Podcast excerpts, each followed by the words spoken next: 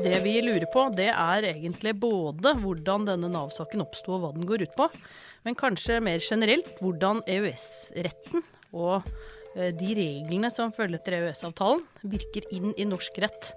Eh, og om dette som vi nå kaller Nav-saken, kanskje er en mer generell problemstilling som kan dukke opp i flere andre rettsfelt også.